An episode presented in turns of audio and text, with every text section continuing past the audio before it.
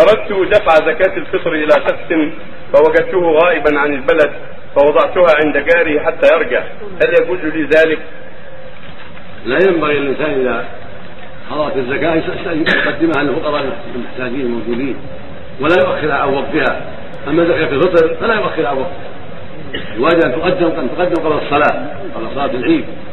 تقدمها صباح العيد أو في ليلة العيد في رمضان أو في أيام آخر الشهر اليوم, اليوم اليومين التاسع والعشرين أو الثامن والعشرين أو الثلاثين ولا يؤخرها إلى بعد الصلاة.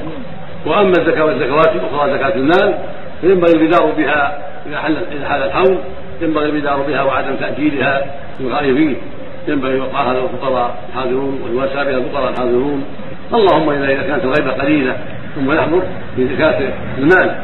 إذا كانت غيبة قليلة ما تضر يومين ثلاث فلا مانع.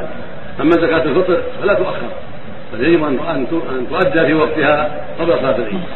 فإذا تأخرت بعد صلاة بعد صلاة العيد يؤديها ويتوب إلى الله تجي يقضيها قضاء وعليه التوبة إلى الله وتجي. يعني يأثم بذلك؟ يأثم نعم لا يجوز له التأخير. اشتريت الأمر أن تؤدى قبل خروج الناس إلى الصلاة.